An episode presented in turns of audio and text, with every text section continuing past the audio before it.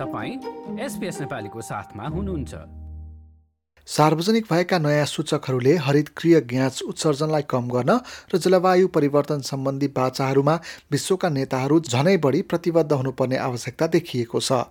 भर्खरै मात्र संयुक्त राष्ट्रसङ्घको एक सभालाई सम्बोधन गर्दै महासचिव एन्टोनियो गुटेरेसले एक डरलाग्दो तथ्यको उजागर गरेका छन्। The global energy system is broken and bringing us ever closer to climate catastrophe. Fossil fuels are a dead end, environmentally and economically. The war in Ukraine and its immediate effects on energy prices is yet another wake up call. The only sustainable future is a renewable one. विश्व मौसम विज्ञान संस्थाको पछिल्लो जलवायु सम्बन्धी report सार्वजनिकपछि वातावरणीय प्रकोप बढ्दै गएको भन्दै गुटेरेसले विश्वका देशहरूलाई चेतावनी दिएका हुन्। रिपोर्टमा पछिल्ला सात वर्षमा तापक्रम निकै माथि उक्लिएको र सन् दुई हजार एक्काइसमा यसले उच्च रेकर्ड कायम गरेको बताइएको छ। विश्वका देशहरूमा गर्मी महसुस भइरहेको पनि उनले बताए। Today's State of the Climate report is a dismal litany of humanity's failure to tackle climate disruption. Sea level rise, ocean heat, greenhouse gas concentrations, and ocean acidification set alarming new records in 2021.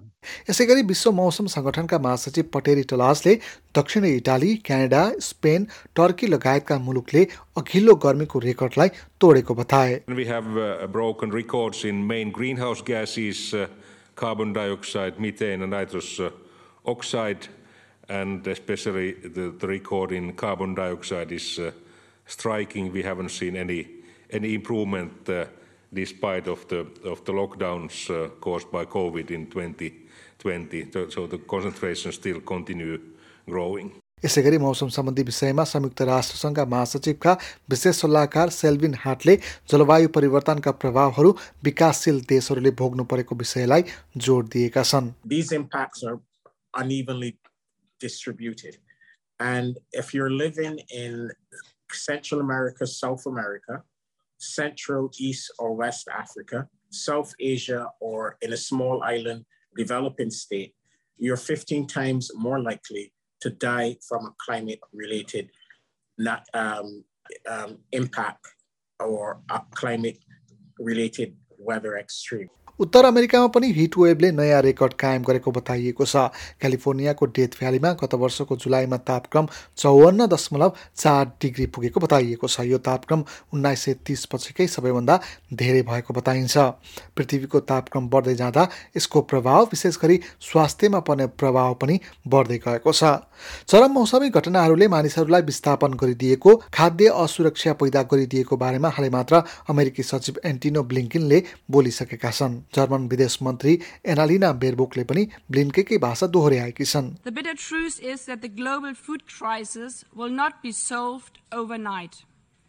That's why we must focus on all the factors contributing to hunger. We must tackle the climate crisis. We must help farmers become less vulnerable to droughts, floods, and extreme rains. उनी भन्छन् कि खाद्य सङ्कट रातारात समाधान हुँदैन अस्ट्रेलियाले भने नयाँ आएको रिपोर्टप्रति कुनै टिप्पणी गरेको छैन संयुक्त राष्ट्रसङ्घको जलवायु परिवर्तन सम्बन्धी सभामा अस्ट्रेलियाका लागि प्रतिनिधित्व गरेका क्यानबेरा स्थित द अस्ट्रेलियन इन्स्टिच्युटका जलवायु एवं ऊर्जा सम्बन्धी निर्देशक रिची मेर्जिन यसलाई निकै चिन्ताजनक मान्छन् These are very worrying trends. We're going to be hitting tipping points which you can't sail back from. And this is why it's the decisive decade. This is why what we do in the next eight years is far more important than what we do in 20 to 30 years.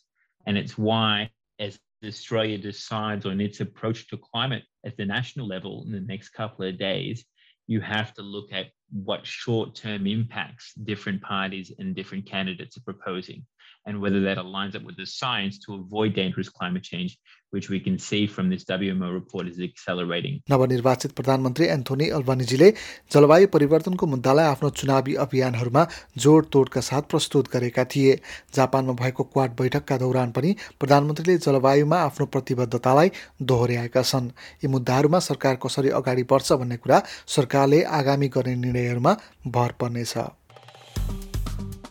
Like र comment गर्नुहोस्। नेपालीलाई फेसबुकमा साथ दिनुहोस्।